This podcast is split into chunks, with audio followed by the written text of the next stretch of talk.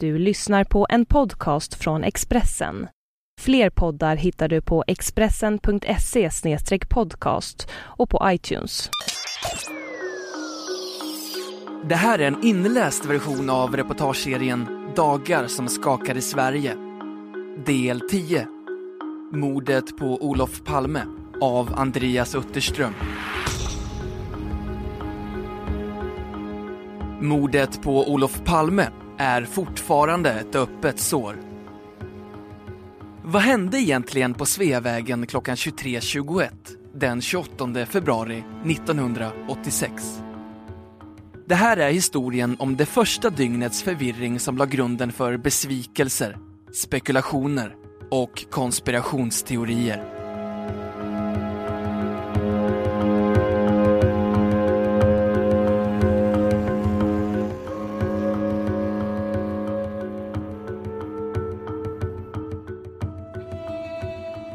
Det var en kylig svensk vinterdag. Många hade bestämt sig för att gå ut och festa eftersom det var lönehelg. De som istället satsade på en fredagkväll i tv-soffan kunde välja mellan Helena Döse sjunger till Radiosymfonikerna och dokumentären Drabbad av hjärnblödning mellan två världar i TV1. Eller Nygammalt med Bosse Larsson och deckaren Mord och inga visor i TV2. Fler alternativ fanns inte. Det var roligare att läsa Expressen.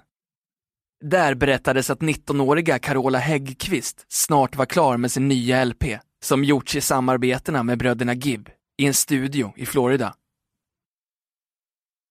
I Nicaragua hade Joakim Tåström och de andra i Imperiet anlänt för tre konserter på revolutionsplatsen i Managua. Inrikespolitiskt dominerades arenan av statsminister Olof Palme. Expressen berättade om bråket kring den höjda aktieskatten. Rubriken talade sitt tydliga språk. Palme och Fält har svikit sina löften. Den kontroversiella statsministern delade upp svenska folket i två läger. Vissa älskade att han med stort självförtroende stod upp mot moderater och supermakter. Andra föraktade både vänsterpolitiken och den arrogans med vilken de tyckte att idealen salufördes. Men ingen kunde anklaga Olof Palme för att vara arbetsskygg. I perioder hade han varit oerhört sliten efter att ha jobbat i princip dygnet runt. Kvällen den 28 februari 1986 var dock ett undantag. Då hade Olof Palme ledigt och han åt middag tillsammans med hustrun Lisbeth i lägenheten på Västerlånggatan i Gamla stan i Stockholm. Sagerska palatset hade ännu inte blivit officiell bostad för svenska statsministrar. Paret hade tidigare pratat om att gå på bio. Men inte filmen Amadeus, den hade de redan sett två gånger. Den här gången lutar det åt Lasse Hallströms nya film, Mitt liv som hund. Vid halv sju-tiden ringde sonen Mårten och berättade att han och flickvännen skulle se bröderna Mozart den visades klockan 21.15 på biografen Grand på Sveavägen. Makarna Palme funderade på om de skulle följa med, men utan att bestämma sig. Christer Pettersson var betydligt mer beläst än många av kamraterna på parkbänken. 38-åringen kunde citera långa stycken ur böcker, diskutera politik och hade talets gåva när han var nykter. Men Pettersson kunde också vara farlig. I berusat tillstånd kunde han snedtända och gå till attack med både nävar och knivar. I december 1970 högg han ihjäl en man i julruschen efter att de hamnat i ett gruff på Kungsgatan i Stockholm. Något som medförde att Pettersson dömdes till sluten psykiatrisk vård. Ibland hade Christer Pettersson och en av hans bästa vänner, en gammal bankrånare, pratat om att de borde göra en stöt tillsammans. Men det hade alltid fallit av samma anledning. Att Christer Pettersson aldrig kunde planera längre än en timme framåt. Länge försörjde han sig på att råna smålangare på pengar. Pettersson trodde själv att han begått 600 sådana brott mellan 1970 och 1977 då han hade avgett ett löfte om att sluta gå runt beväpnad. Kvällen den 28 februari var Christer Pettersson på jakt efter amfetamin. Han tog på sig att åka till centrala Stockholm och köpa drogerna medan kompisen som kallades för Spinnan stannade kvar i lägenheten i Rotebro och väntade. Pettersson gick mot pendeltågstationen. Han skulle följa den vanliga amfetaminrutinen genom att söka upp langaren och vännen Sigge Cedergren som alltid hade tillgång till narkotika. Ibland fanns den till och med tejpad på ryggen i små påsar med 20 gram i varje påse. Pettersson klev in i pendeltågsvagnen och åkte in mot stan. Strax efter klockan åtta bestämde sig Olof och Lisbeth Palme för att följa med Mårten och hans flickvän och se Bröderna Mozart på biografen Grand. Omkring klockan 20.40 tog de tunnelbanan från Gamla stan till Rådmansgatan. Trots att det var fredagkväll, lönehelg och massor av berusade människor i rörelse hade statsministern och hustrun inga livvakter med sig. Det fanns mellan Säpo och Olof Palme en överenskommelse om att han kunde röra sig utan livvaktsskydd i citat den gyllene triangeln, sträckan mellan Rosenbad, riksdagen och bostaden. När statsministern hade privata ärenden till andra platser skulle han säga till. Men ibland fuskade Olof Palme och detta biobesök var ett sånt tillfälle. Statsministern var väl medveten om de starka känslor han väckte. Om det Palmehat som blivit ett vedertaget begrepp bland medarbetarna. Men han ville ogärna se vidden av problemet, utan prioriterade viljan att leva ett så normalt familjeliv som möjligt.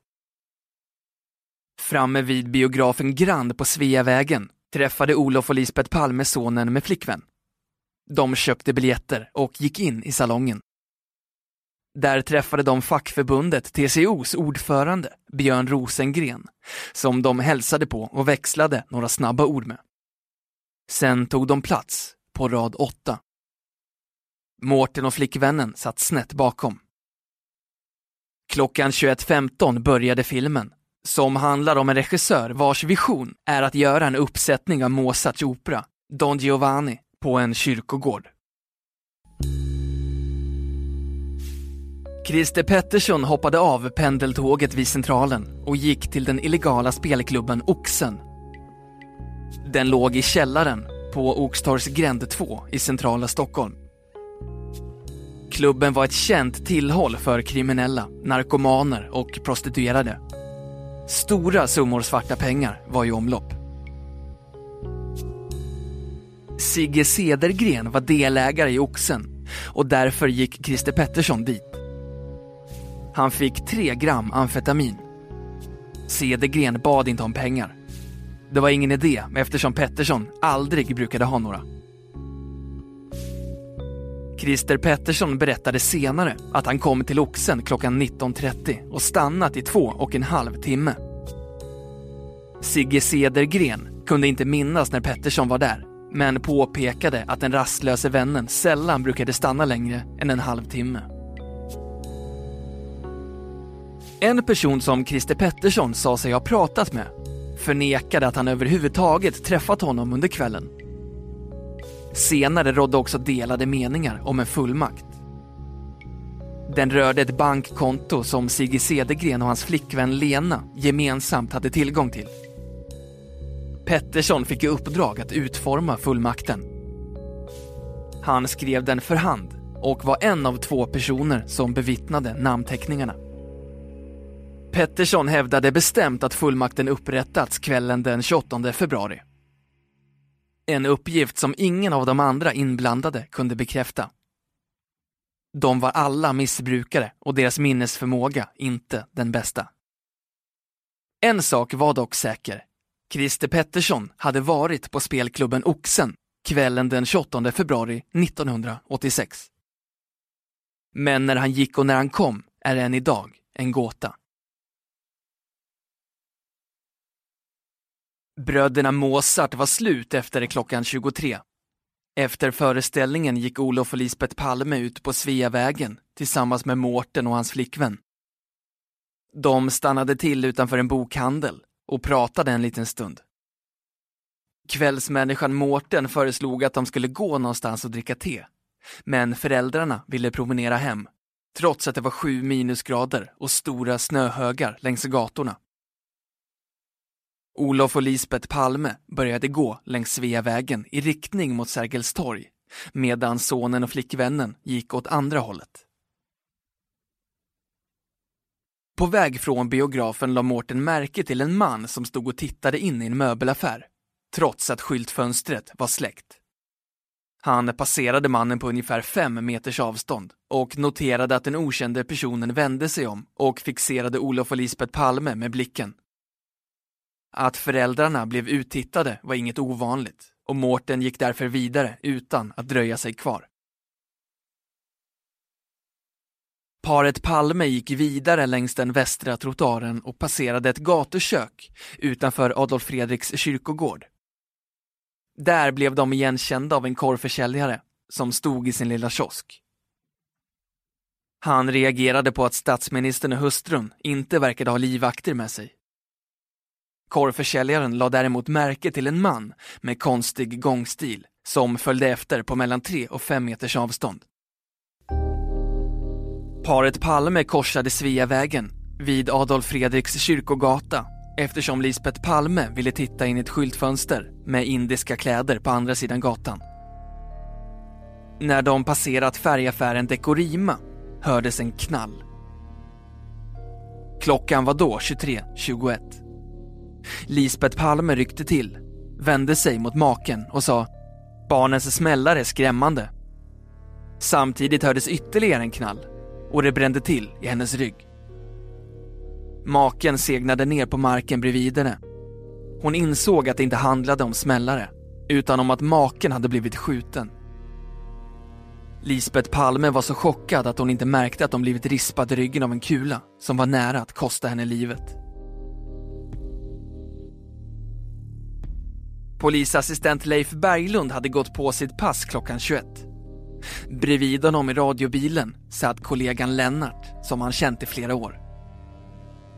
Eftersom det var lönehelg var det mer folk ute än vanligt, men inte särskilt bråkigt. De körde runt med sin Volvo i city på Östermalm. De delarna av Stockholm som ingick i deras distrikt. Klockan 21.30 fick Leif Berglund och kollegan ett larm om ett pågående inbrott på Johannesgatan. Någon hade ringt 90 000, dåtidens larmnummer, och sagt att en man försökte ta sig in i en lägenhet. När poliserna kom fram till rätt adress hittade de mannen. Men han var ingen inbrottstjuv, utan hade koppling till huset. De åkte vidare och stötte senare på en äldre man som verkade förvirrad. Han berättade att han bodde på ett hotell i närheten och poliserna bestämde sig för att skjutsa dit honom. När de nästan var framme gick larmet om skottlossning på Sveavägen. Leif Berglund och kollegan släppte av mannen och åkte snabbt mot brottsplatsen. Lars hade varit ute på krogen tillsammans med några vänner. De hade precis skilts åt och han promenerade längs Luntmakargatan, en parallell gata till Sveavägen. Lars hade bara druckit ett glas portvin och kände sig därför ganska pigg. När han var framme vid korsningen till Tunnelgatan stannade han till och funderade över fortsättningen på kvällen. Kanske kunde han köpa en biobiljett till någon nattföreställning. Lars släppte tankarna när han hörde ljudet av två knallar. Han undrade vem som sköt med smällare så sent på kvällen. När Lars tittade i riktning mot Sveavägen förstod han att det handlade om något annat. Han såg en person falla omkull på gatan och att en kvinna sjönk ner bredvid. Lars blev rädd. Han gömde sig bakom två tillfälliga byggbaracker som fanns på Tunnelgatan. Efter en kort stund hörde han fotsteg komma gående i riktning mot honom. Lars insåg att det förmodligen var gärningsmannen som var på väg att fly. Skulle han följa efter och försöka övermanna personen? Nej, det kändes alldeles för riskabelt när vapen fanns med i bilden. En man passerade honom på några meters håll. Lars såg inte ansiktet, men profilen och en lång och storväxt kropp. När mannen passerat såg Lars att han var på väg mot trapporna som leder mot David Bagares gata. Efter en stund vågade Lars följa efter. När han sprungit upp för trapporna var mannen borta. Han mötte ett par och frågade om de sett någon springa förbi. De pekade i riktning mot David Bagares gata. Lars försökte hitta mannen igen, men han var försvunnen. Vem var det han letade efter? I alla fall inte Christer Pettersson. Lars bodde inte långt ifrån den ökände missbrukaren och kände igen honom från alkisgänget som brukade hänga i Sollentuna centrum. Pettersson var en person som Lars och många andra gick omvägar för att slippa ha kontakt med. Mannen som passerat honom på Tunnelgatan hade en profil som inte stämde med Petterssons. Dessutom sprang han med raska steg mot trapporna. Det var långt ifrån Petterssons karaktäristiska gångstil, som var yvig och lite lufsande. Allt annat än atletisk. Lars var säker. Det var inte Christer Pettersson som han sett vid mordplatsen.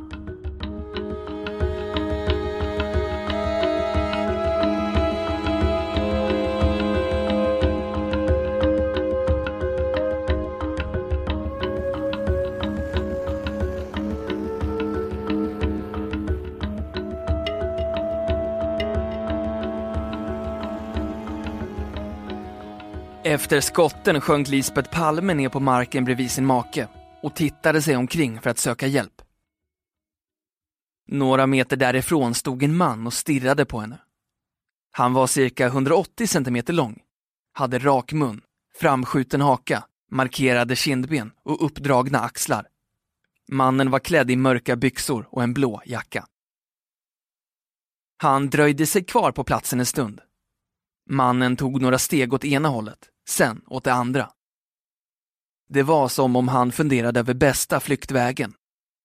Lisbeth Palme såg honom sen springa med studsande gång längs Tunnelgatan i riktning mot trapporna som leder mot David Bagares gata. Under tiden anslöt människor för att hjälpa till. Lisbeth Palme var chockad. När en kvinna gjorde mun mot mun-metoden på statsministern försökte Lisbeth Palme putta bort henne. När ambulans kom till platsen fördes Olof och Lisbeth Palme till Sabbatsbergs sjukhus. Där kunde läkarna snabbt konstatera att statsministern var död.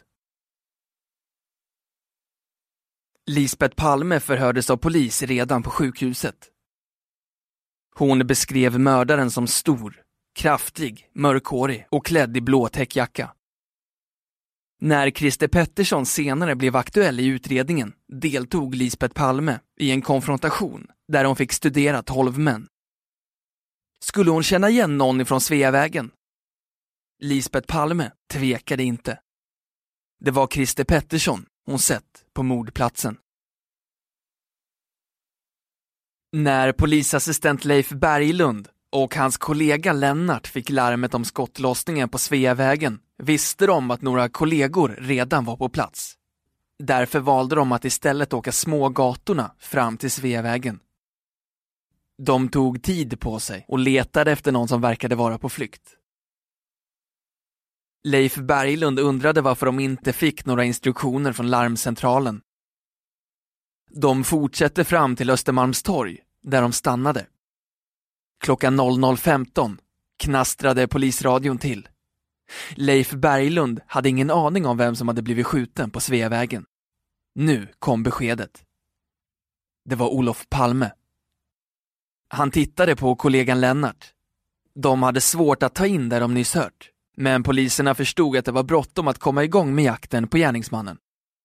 De startade bilen och åkte iväg, men det kom fortfarande inga order. Det verkade vara kaos på ledningscentralen, så de kom med egna uppslag. Leif Berglund och Lennart stannade bland annat till på några hotell och frågade om någon nyligen hade checkat in eller betett sig underligt. Men ingen hade lagt märke till något misstänkt. På Expressens redaktion i Stockholm satt kvällsreporten Tommy Schönstedt och skrev på en bra story. Artikeln handlade om att några riksdagsledamöter skulle åka till Sydamerika för att studera en kollektivtrafik som alla visste var usel. Rena slöseriet med skattepengar och därmed något som hörde hemma i tidningen. På den tiden fanns några personer som av nyfikenhet ständigt lyssnade på polisradion och sen brukade tipsa Expressen. När klockan var cirka 23.25 ringde en av dem och berättade att det var en skottlossning på Sveavägen. Schönstedt bestämde sig för att avvakta. Bara några minuter senare ringde telefonen igen. Det var en annan tipsare, en person som alltid brukade ha rätt. Han sa, den där skottlossningen på Sveavägen kan vara statsministern, så åk för fan. Tommy Schönstedt tog med sig fotografen Kalle Melander och tillsammans tog de bilen till Sveavägen. När de kom fram såg de blodfläcken på trottoaren, men inget offer syntes till. Schönstedt sprang fram till en polis och frågade vad som hade hänt.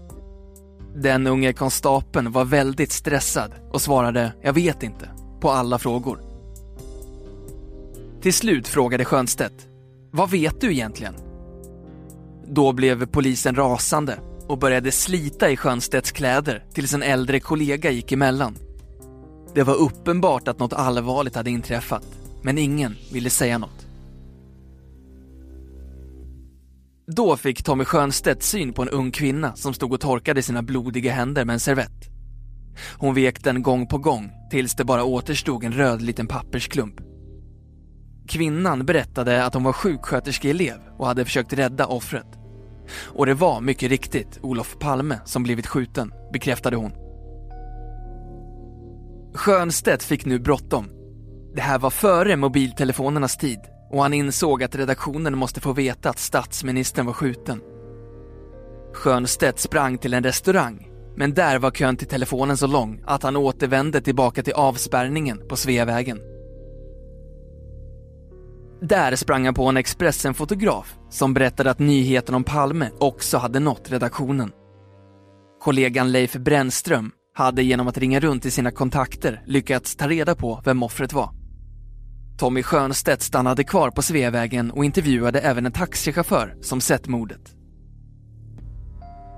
Efter att ha varit förbi Sabbatsbergs sjukhus och Rosenbad, där kollegor redan fanns på plats, åkte han tillbaka till Expressens redaktion. Där var det full uppslutning. Chefredaktören Bo Strömstedt var på plats, liksom verkställande direktören och personaldirektören som satte sig i växeln. Alla ville göra sitt yttersta för att få med så mycket information som möjligt i morgondagens tidning. Polisen hittade snabbt fler vittnen till mordet. De var i stort sett överens om gärningsmannens kroppsbyggnad och klädsel, men ingen hade sett mördarens ansikte. Flera reagerade dock, liksom Lisbeth Palme, på sättet som mannen rörde sig på. Några vittnen beskrev det som klumpigt, lutande, haltande och citat, som en elefant, slutcitat. En man tog dock till en annan liknelse och menade att mannen rörde sig citat smidigt som en björn, slutcitat, när han försvann från mordplatsen. Kanske var mördaren klumpig. Kanske var han bara mån om att inte halka bland snö och is. Och frågan blev hängande i luften. När Christer Pettersson kom tillbaka hem till lägenheten i Rotebro låg kompisen Spinnan och sov på en madrass i köket. Han hade väntat i flera timmar på amfetaminet från Sigge Cedergren. Men Pettersson hade ingen lust att dela med sig. Det blev ingenting, ljög han. Spinnan accepterade beskedet utan protester och försvann hem till sig. När Christer Pettersson blivit ensam tog han fram en kanyl och injicerade narkotikan. För det mesta höll han sig till alkohol, men någon gång i månaden tog han också amfetamin. Vid sådana tillfällen hade Pettersson inte lust att umgås med någon. Då ville han istället ägna sig åt att i ensamhet konsumera pornografi. Den här natten var inget undantag.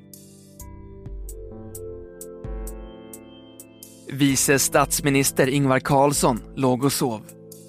Han hade tillbringat fredagen på ett miljöseminarium i Bohuslän, kommit tillbaka till Stockholm vid 20-tiden på kvällen och ätit en sen middag med hustrun Ingrid hemma i radhuset i Tyresö utanför Stockholm. Därefter gick Ingvar Carlsson till sängs. Han såg fram emot något så ovanligt som en ledig helg. Tio minuter efter midnatt ringde telefonen. Olof Palme är skjuten.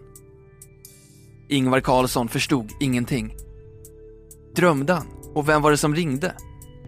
Det dröjde ett ögonblick innan han kände igen statssekreteraren Ulf Dahlstens röst och förstod att det var allvar.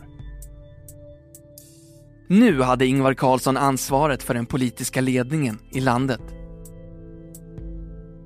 Kalla en beslutsför regering till Rosenbad. Jag är där om en halvtimme, sa han till Dahlsten. När Ingvar Carlsson avslutat samtalet tittade han och Ingrid på varandra. Vad gjorde han på Tunnelgatan mitt i natten, var det första hon sa. De höll om varandra en stund innan den vice statsministern klev ur sängen. Han väckte den äldsta dottern, som sov över hemma hos sina föräldrar denna natt, och berättade vad som hade hänt. Hon hade fått politiken med blodet och Olof Palme var hennes stora idol. Medan Ingvar Carlsson klädde sig ringde Ingrid en bil från Tyresö Haninge Taxi. En bil är hos er om några minuter. Vi vet vad som har hänt, sa telefonisten. När Ingvar Carlsson hoppade in i taxin mötte han chaufförens blick. Det räckte. Under tystnad åkte de i rasande fart från Tyresö till Rosenbad i den mörka vinternatten. Tankarna snurrade. Fanns det fler på mördarens lista? Och i så fall kunde Ingvar Carlsson vara en av dem. När taxin närmade sig Rosenbad kröp han ihop i baksätet. Karlsson hade ingen aning om vad som väntade och ville inte bli sedd. Utanför Rosenbad fanns varken polis eller väktare. Kanske var alltihop ett enda stort missförstånd. Men hoppet släcktes när han såg Expressens reporter Per Wendel utanför Rosenbad. Hade beskedet nått också journalisterna var det på allvar. Det är förskräckligt, sa Ingvar Carlsson på vägen in. När han kommit innanför dörrarna frågade han ABAB-vakten var polisen var. Här finns ingen polis, blev svaret. Klockan var 00.45. Olof Palme mördades för en timme och 20 minuter sedan. Trots det fanns inget stärkt skydd kring regeringsbyggnaden. När klockan var ett på natten fick Leif Berglund och kollegan Lennart till slut ett konkret uppdrag. De skulle åka till Sveavägen och bevaka den avspärrade platsen där Olof Palme hade skjutits. De kollegor som redan var där behövde lösas av. När Leif Berglund och Lennart kom fram blev de förvånade. Den avspärrade ytan var ovanligt liten. Dessutom var de ensamma poliser på plats och skulle utan hjälp från några kollegor bevaka platsen som nu lockade allt fler människor eftersom nyheten om att Olof Palme var död hade kablats ut. En gråtande man var så uppriven att han, trots tillsägelser, försökte ta sig igenom avspärrningarna och fram till den plats där Olof Palmes blod hade fryst fast i trottoaren. Leif Berglund hade till slut inget annat val än att omhänderta mannen. De två poliserna blev avlösta och åkte till stationen tillsammans med den gråtande mannen. Klockan var 03.00 när regeringssammanträdet började. Runt bordet satt 13 statsråd. Ett ljus tändes på bordet och ställdes vid Olof Palmes plats. Ingvar Carlsson satte sig bredvid, som han brukade. Känslorna fick läggas åt sidan. Det fanns många praktiska frågor som måste lösas snabbt.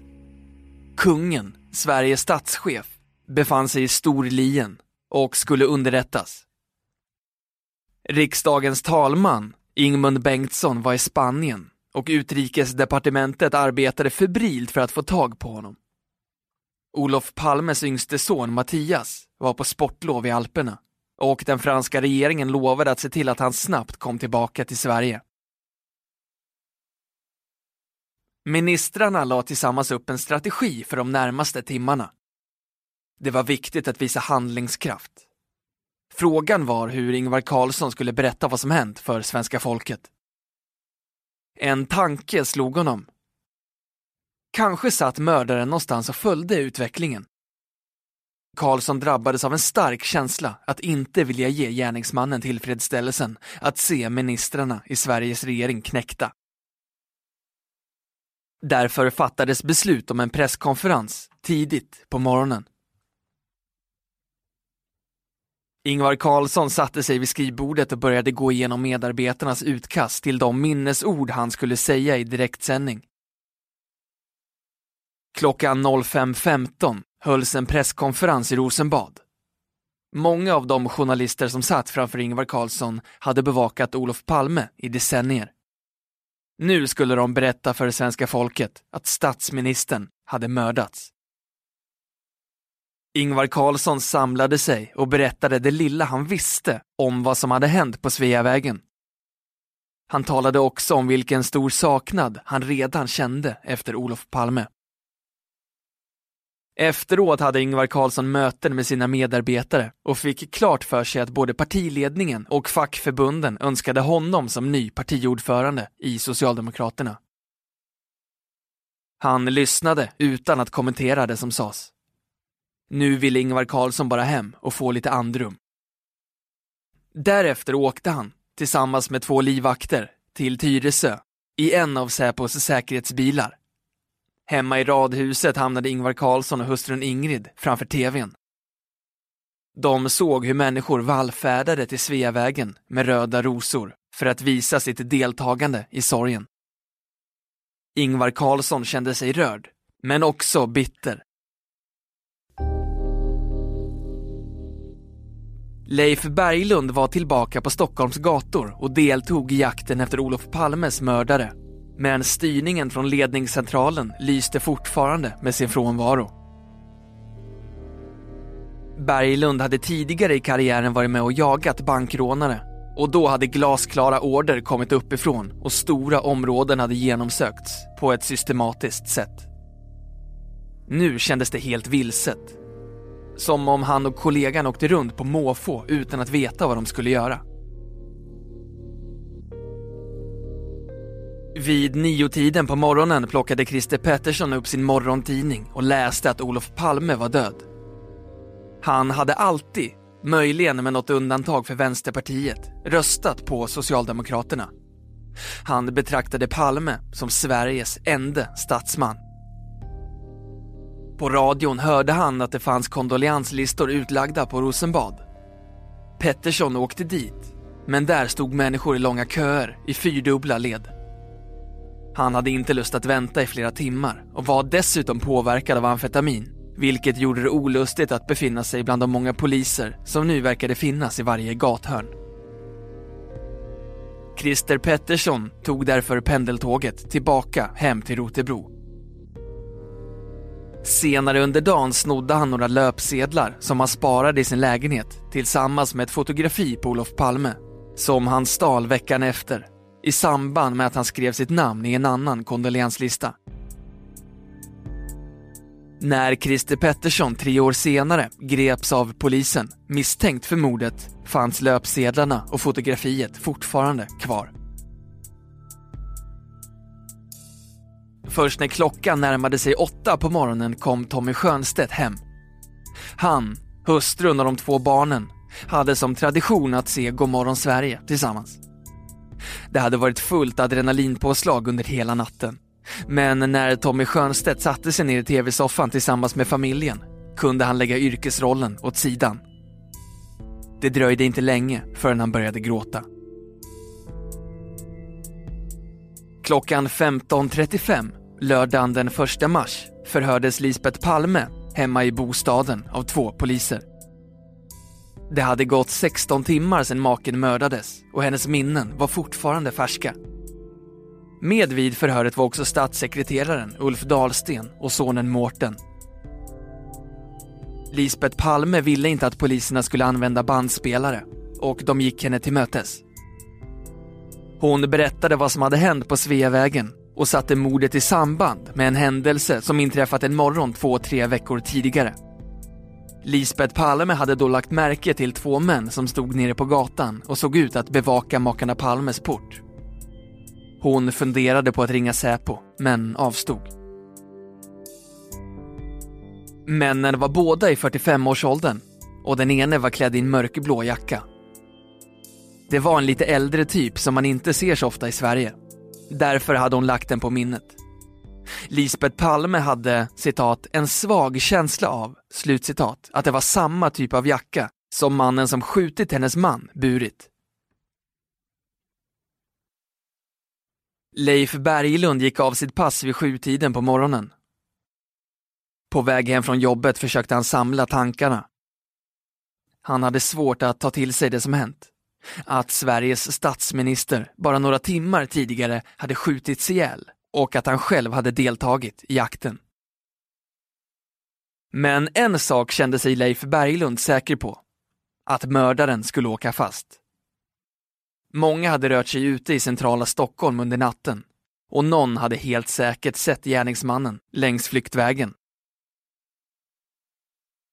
Enorma resurser skulle nu satsas på att hitta den person som skjutit ihjäl statsministern. Det skulle nog bara dröja några veckor, möjligen ett par månader. Sen skulle mördaren vara fast. Polisen hade det här under kontroll.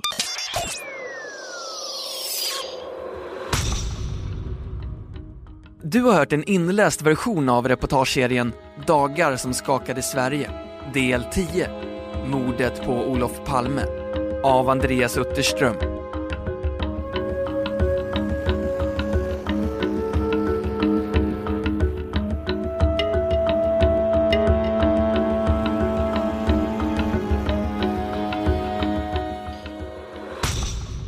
Du har lyssnat på en podcast från Expressen. Ansvarig utgivare är Thomas Mattsson. Fler poddar finns på Expressen.se och på iTunes. Ett poddtips från Podplay.